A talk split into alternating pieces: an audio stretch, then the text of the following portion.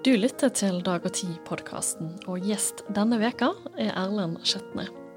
Han skriver nå en serie om Finnmark i Dag og Tid, og det er dette som er tema for denne podkastepisoden.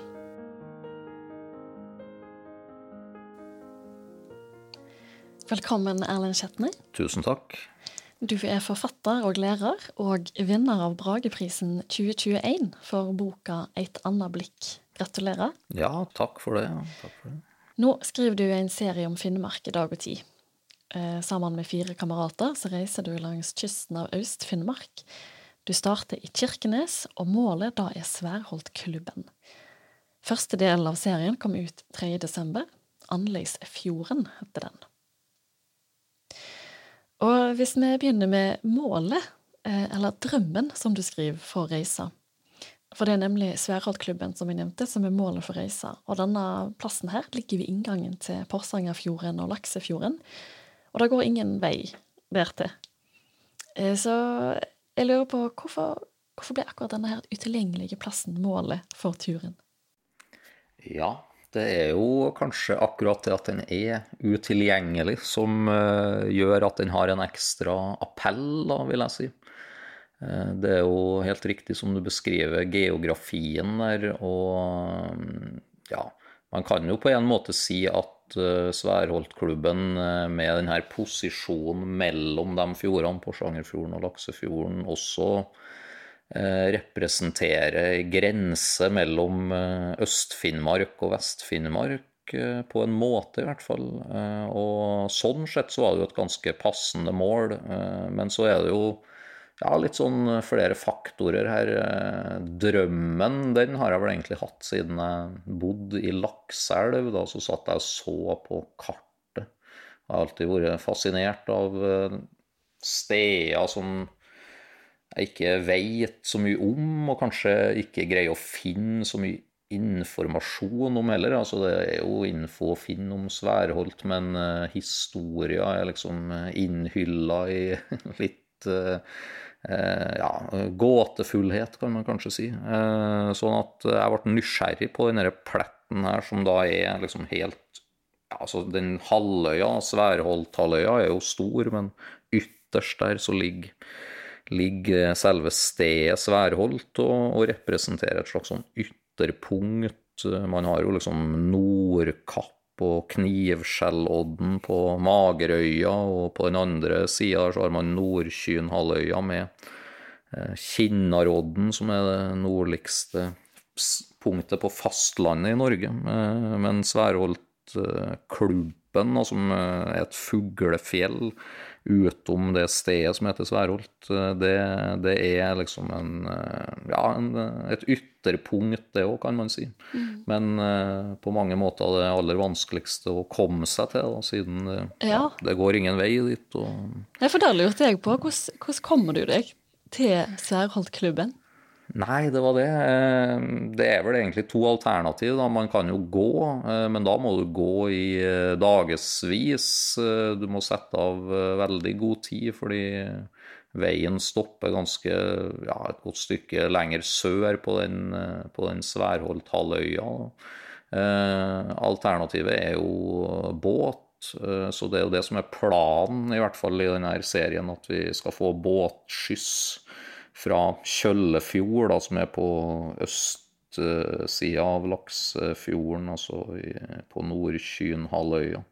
Men så kommer det jo litt an på vær og vind, da, selvfølgelig, fordi Sværholt er jo et veldig værhardt sted, og ikke ikke spesielt uh, gode landingsforhold egentlig der for, uh, for båter. Mm. Uh, ingen god havn egentlig, per dags dato i hvert fall.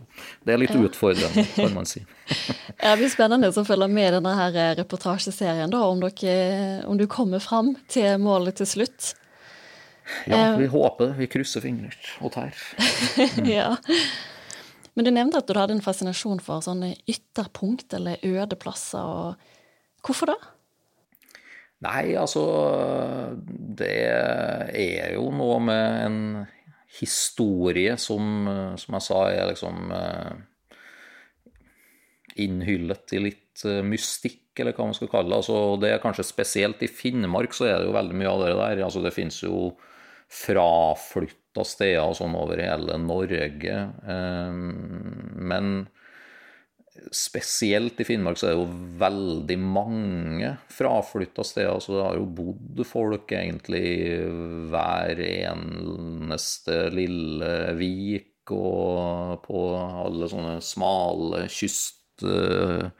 Eh, eller strender eh, langs uh, ugjestmilde kyster, må man si. Men nå i dag er det jo veldig mange plasser som, er, som ikke har noen innbyggere. Og det er heller ikke så lett å finne ut så mye om alle de her stedene. Altså, du ser på kartet, så står det en hel haug med stedsnavn, og, som også av og til peker i retning av Eh, ting og tang som kan ha foregått der, men eh, det ja, veldig vanskelig å finne ut så mye om det ofte. Og da blir jo, blir jo fascinasjonen desto større. Hva har skjedd her? Hvem har bodd her? Osv. Ikke minst så har jeg opplevd det som en stor glede når man etter hvert greier å komme seg til de stedene som man ser på kartet. Og hvis du til og med liksom kan se at kartet stemmer med terrenget, som det jo heter i et uttrykk, så er jo det veldig artig. Og eksempel eh, hvis man reiser til Finnmark, da, aller helst helt til Kirkenes, egentlig, hvis du flyr fra Tromsø Jeg er litt heldig med været i tillegg. Eh, det er jo gjerne sånn Widerøe-fly som flyr ganske lavt, så du kan da komme til å være under skydekket, liksom, og da ser du på en måte hele fylket fra lufta. Du ser fjordene som går inn, og du ser øynene og alt det der. Og, og det å da vite hva det heter, det er en egen glede, altså. Det må jeg bare si. Mm. Anbefales. Jeg får jo inntrykk nå at du, er, at du har en spesiell fascinasjon for Finnmark, eller nord. Um, og vi skal, skal, komme tilbake til reportasjen din, men, um, men jeg har et par spørsmål om ditt om deg som forfatter. Mm. For som du nevnte her helt i starten òg, så har du bodd i Lakselv. Eh, du arbeider på asylmottak der. Og da ble òg inspirasjon til den boka som du vant eh, Brageprisen for, 'Et annet blikk'. Mm. Og nå har du jo da vært på reis i dette samme området. Kan jeg få spørre om, om Nord-Norge har vært viktig for ditt forfatterskap? Om det har påvirka eh, ditt forfatterskap på noen måte? Ja, jeg vil jo absolutt si det. Altså, jeg kan jo utdype litt der. Det er jo helt riktig det med den eh, boka 'Eit anna blikk', som heter, som jo er en ungdomsroman. Og den handler jo spesielt om eh, et eh, asylmottak da, i, ja, på et lite sted i Nord-Norge. Og jeg vil jo si at det er mer enn antyda at det er i Finnmark. Så det det beror jo på erfaringa erfaringer som jeg gjorde meg egentlig som lærer der, da, i Lakselv. Eh, altså som, som, lærer for eh, unge afghanere, norsklærer osv. Så, videre. så det er jo, der har jo det liksom, miljøet blitt en eh, bra ramme, tror jeg, for den historien. Men jeg kan tilføye at Eh, jeg har gitt ut tre bøker totalt, inkludert denne 'Et annet blikk'. Eh, også den første boka mi, som var en diktsamling, og som jeg ga ut i 2019, eh, var egentlig veldig inspirert av på en måte møtet med Finnmark og den naturen og liksom Det er jo mye natur i Norge generelt, men i Finnmark så får du kanskje litt mer følelsen av at du er i ødemarka med positivt fortegn, vil jeg si. Altså, det bor jo folk der, selvfølgelig, men det, du er alltid på en måte veldig nært innpå naturen. Og det er jo store områder der du kan føle deg ganske alene, egentlig. I større grad enn eh, de fleste steder i Norge. Og ja, hvis man verdsetter stillheten og ja eh, hva skal vi si, de tankene som kan følge med den, så, så, tror jeg at det er mye å hente i Finnmark. Da. I hvert fall så har jeg følt at det var det for min del. Ja. Da skal vi snu oss tilbake til reportasjen din. Eh, for det er jo ikke bare natur eh, å finne i Finnmark. Eh, det er jo òg et flerkulturelt område. Du reiser altså fra Kirkenes til Neiden, til Bugøynes og Nesseby i denne første delen av reportasjen. Og dette er jo et område som er veldig nærme Russland og, og Finland. Så da lurer jeg på på hvilken måte møter en det flerkulturelle i dette området? Ja, jeg tror ikke man uh, trenger å leite så lenge, egentlig, for å se det i forskjellige former. Altså idet du lander i Kirkenes, så ser du jo at veiskiltene har eh, navn skrevet med kyrilliske bokstaver, sånn at det er jo bare en sånn første liten ting som man eh, kommer over. Og mm, ja eh, vi måtte liksom begrense oss litt i denne serien her, så jeg har ikke med våre små utflukter for å gløtte inn i Russland og sånn, som du selvfølgelig kan gjøre på flere steder opp gjennom her i Pasvikdalen og sånn. Eh, men uh, Russland er veldig nære, og så er det jo selvfølgelig både det samiske og, det kvenske. Altså uh, et uh, et møte med det samiske er jo da i Neiden, som du nevner, i hvert fall i, i serien her. Og da er det jo den skolte samiske eh, minoriteten som eh, liksom har Neiden som eh, et, et sentralt sted. Og det er jo sant, en spesiell samisk gruppe i norsk sammenheng fordi de på en måte tilhører den østsamiske delen av samefolket. Så da har man jo bare der en, en forbindelse østover til Russland og Eh, ja, også Finland er jo de skolte samene eh, representert. Eh, så det, det, er jo et fascinerende sted, og vi besøker jo det lille kapellet i Neiden som er bygd på 1500-tallet. Og så se det liksom det ortodokse og sånn på norsk jord er jo litt spesielt i seg sjøl. Bugøynes nevnte jo som er et veldig ja, sentralt sted med tanke på den finske innvandringa til Norge. Kalles Lille Finland på folkemunne. og Du ser liksom det finske i ja, alle navn og i det hele tatt ser man litt bakover i historien, så er det jo veldig tydelig til stede. Så det, det er mange muligheter til å møte på det, det, flerkulturelle, og det er jo interessant, vil jeg si. Og så må vi snakke litt om en spesiell person eh, der, som har et minnesmerke i Bugøyfjord. Jon Andreas Savio. For han var den første norske samen som ble billedkunstner på heltid. Og, og, du skriver at du har et spesielt forhold til streken hans, hvis du kan si det om, om tresnitt. Kan du si litt mer om, om, eh, om ditt forhold til Savio og kunsten hans? Ja.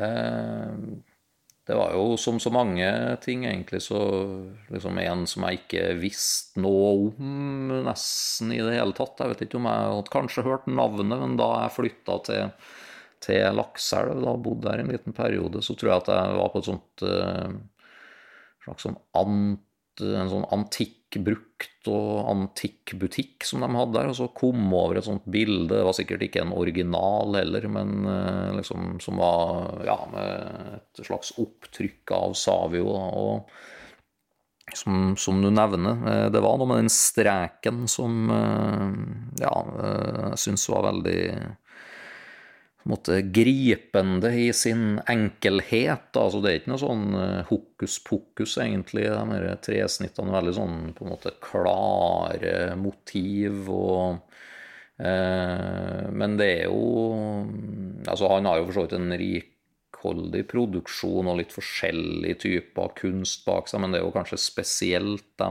tresnittene som vise fram samisk hverdagsliv, da, som, eh, som er kjent fordi de eh, er enestående, liksom, eh, enestående tidlig ut med å vise fram den kulturen og gjøre det på en ren og direkte og veldig vakker måte.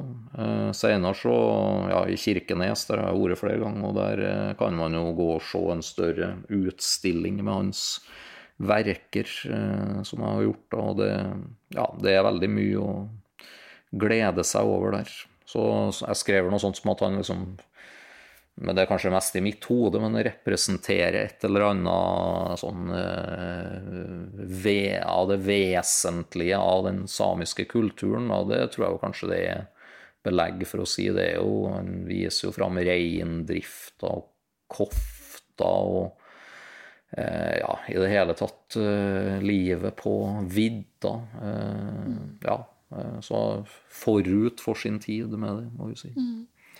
Men han levde et kort og tøft liv. Ja, altså det, det bidrar jo kanskje litt til mytologien, kan vi si. Altså det er jo nesten sånn eh, så tragisk at det, Jeg skal ikke si at det blir komisk, men altså det er sånn som for eksempel her med at hans, hans mor døde av eh, ja, tæring, eller eh, tuberkulose, og faren skulle seile over fjorden for å hente kista, og da forliste den og drukna. Sånn at ja, det, liksom bare, det var starten på Jon Savios liv, så det er jo uhyre trist.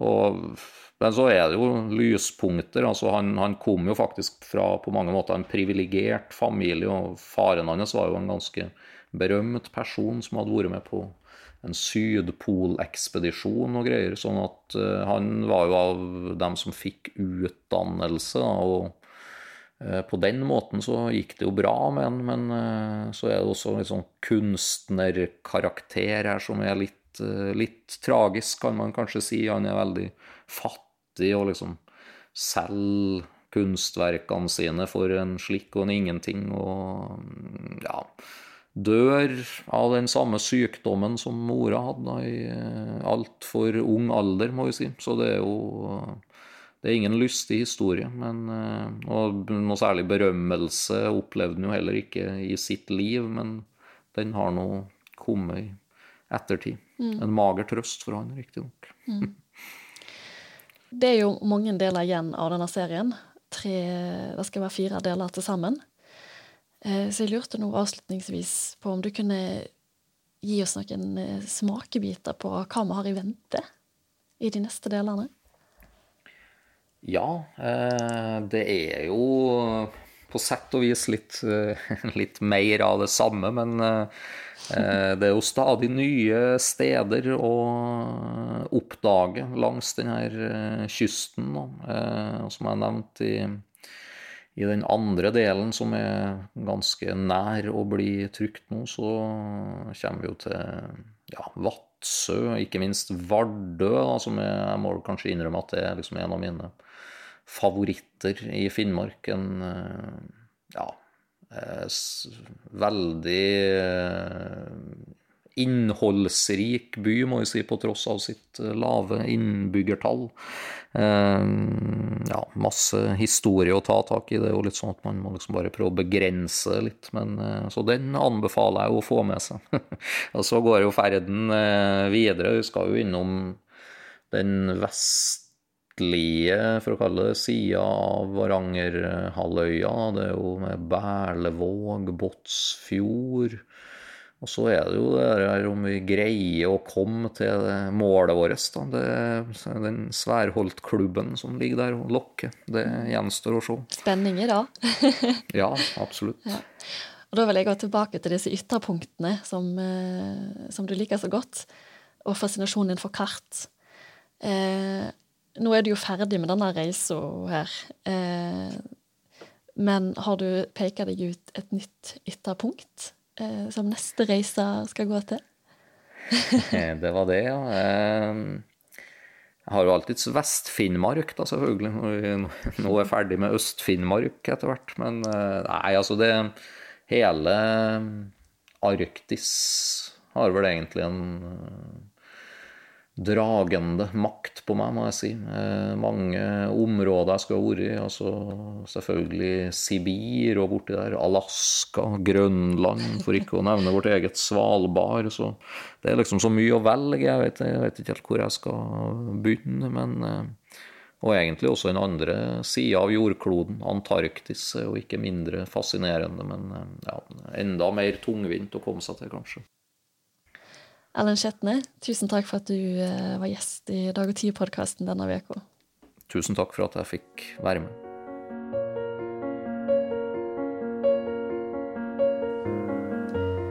Du lytter til Dag og Tid-podkasten.